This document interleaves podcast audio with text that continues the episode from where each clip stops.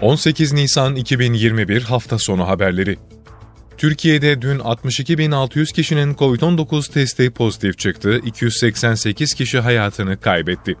Türkiye COVID-19 hasta tablosuna göre dün 319.316 COVID-19 testi yapıldı, 62.606 kişinin testi pozitif çıktı, hasta sayısı 2973 olarak kayda geçti, 288 kişi ise hayatını kaybetti.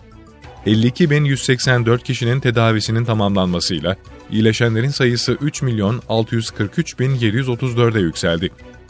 Toplamda test sayısı 43 milyon 467 bine ulaşırken vaka sayısı 4 milyon 212 bin 645, vefat sayısı 35 bin 608, ağır hasta sayısı ise 3240 oldu.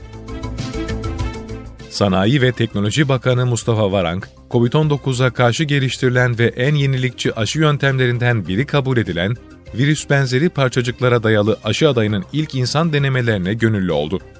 Varank, Ankara Onkoloji Hastanesi'nde TÜBİTAK COVID-19 Türkiye platformu çatısı altında çalışmaları süren VLP temelli aşının insan denemelerinin faz 1 aşamasında aşı yaptırdı. Varank aşı olduktan sonra yaptığı açıklamada, VLP'nin Türkiye'de ve dünyada yenilikçi bir aşı teknoloji olduğunu belirterek, virüs benzeri parçacıklı aşı adaylarımıza çok güveniyoruz. Sene sonuna kadar yeterince gönüllü bulabilirsek, faz 3'ü de hızlıca tamamlayarak dünyaya şifa olacak başarılı bir aşıyı ortaya çıkarmış olacağız şeklinde konuştu. Muğla'nın Datça ilçesi açıklarında 4.1 büyüklüğünde deprem meydana geldi. AFAD'ın sitesindeki bilgiye göre dün saat 23.57'de Ege Denizi'nde 4.1 büyüklüğünde deprem kaydedildi. Depremin Datça ilçesine 29 kilometre mesafede ve deniz yüzeyinin 23 kilometre derinliğinde olduğu belirlendi. Dün saat 20.08'de yine Datça açıklarında 4.8 büyüklüğünde deprem meydana gelmişti. İstanbul Taksim'de temeli 4 yıl önce atılan ve son hazırlıkları yapılan cami Ramazan ayının son cuma günü ibadete açılacak. Temeli 17 Şubat 2017'de atılan içerisinde otopark, konferans ve sergi salonlarının da yer aldığı caminin yapımında sona yaklaşıldı. 2250 kişinin aynı anda namaz kılabileceği cami, Ramazan ayının son cuma günü ibadete açılacak. Vakıflar Genel Müdürü Burhan Ersoy, Selimiye Camii'nin restorasyonuna bu sene başlanacağını bildirdi.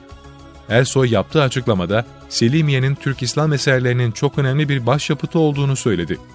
Mülkiyeti Sultan Selim Hanı bin Sultan Süleyman Han Vakfı'na ait olan Mimar Sinan'ın ustalık eserim dediği caminin zamana direnerek ve iyi korunarak bugüne geldiğini ifade eden Ersoy, caminin geçmişte dönem dönem restorasyondan geçtiğini hatırlattı.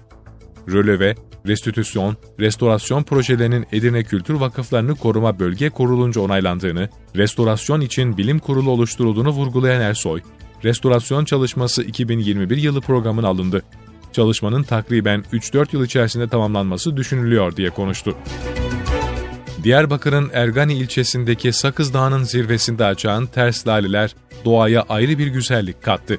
İlçede 2200 rakımlı Sakız Dağı'nda baharın gelişiyle ağlayan gelin diye adlandırılan ters laleler çiçek açtı.